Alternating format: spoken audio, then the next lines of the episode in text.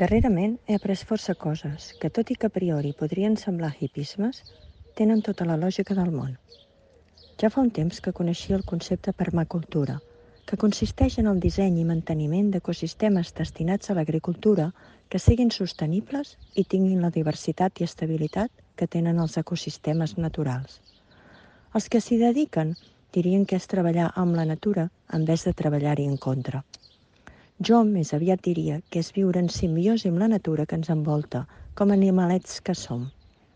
La permacultura es basa en la premissa de que l'agricultura o altres activitats fetes amb finalitats productives esgoten els recursos naturals i quan jo no n'hi ha més de recursos, després tots són ploralles. Però la terra es pot regenerar, basta amb que li donem armes i temps.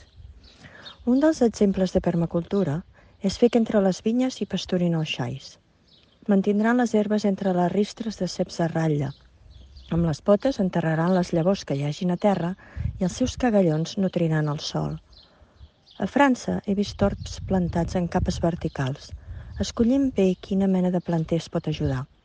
Sota una línia d'arbres fruiters, arbustos polits de mores i de gers, i més avall, arran de terra, maduixes i enciams. Tens un tall de jardí que se t'ha omplert d'ortigues? Quan les arranis, abans que floreixin, i això passa a la primavera, no les llencis.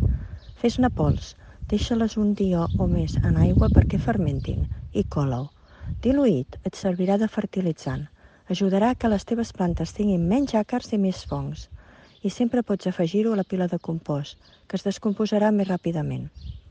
Jo a la permacultura de moment hi estic entrant però segurament, com molts de vosaltres, sense haver-ho fet expressament, ja en faig.